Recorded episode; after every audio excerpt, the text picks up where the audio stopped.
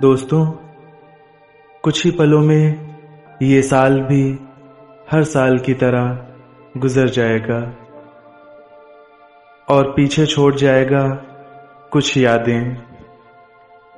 कुछ ऐसी यादें जो आने वाले साल में भी हमें कचोड़ती रहेंगी। मेरे मन में न जाने क्यों विचारों का एक बवंडर सा उमड़ा आ रहा था। मैंने सोचा, मैं अपने इन विचारों को शब्दों का रूप देकर आपके साथ साझा करूँ।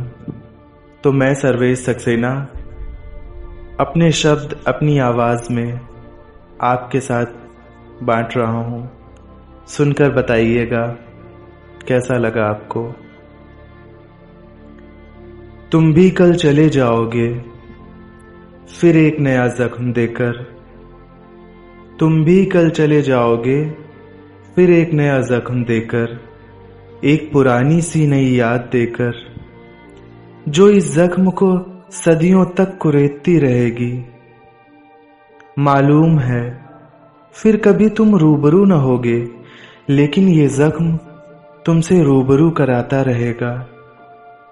तुम भी कल चले जाओगे, फिर एक नया जख्म देकर। मैं याद करता रहूँगा फिर भी तुम्हें। तुम अब गैर सही तो क्या हुआ? मैंने बिताए हैं कई यादगार लम्हे आगोश में तुम्हारे। तुम चले जाओगे तो क्या हुआ? तुम्हारे ज़रिए ही सही। मेज पर पड़ा कागज़ कुछ भर जाएगा, जो कब से शब्दों की तलाश में दर बदर भटक रहा है।